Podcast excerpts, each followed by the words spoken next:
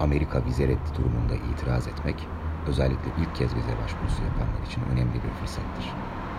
Vize reddine itiraz etmek için kısıtlı bir zaman dilimi sunulur. Buna göre vize reddi itirazlarının karar tarihinden itibaren 30 gün içinde yapılması gerekir. Ancak başvuru sahibine red hakkında bilgi posta yoluyla verildiyse itiraz başvurusu için 33 günlük bir süre tanınır. Amerika vize reddi için itiraz dilekçeleri bu süreler içinde konsolosluklara teslim edilmelidir.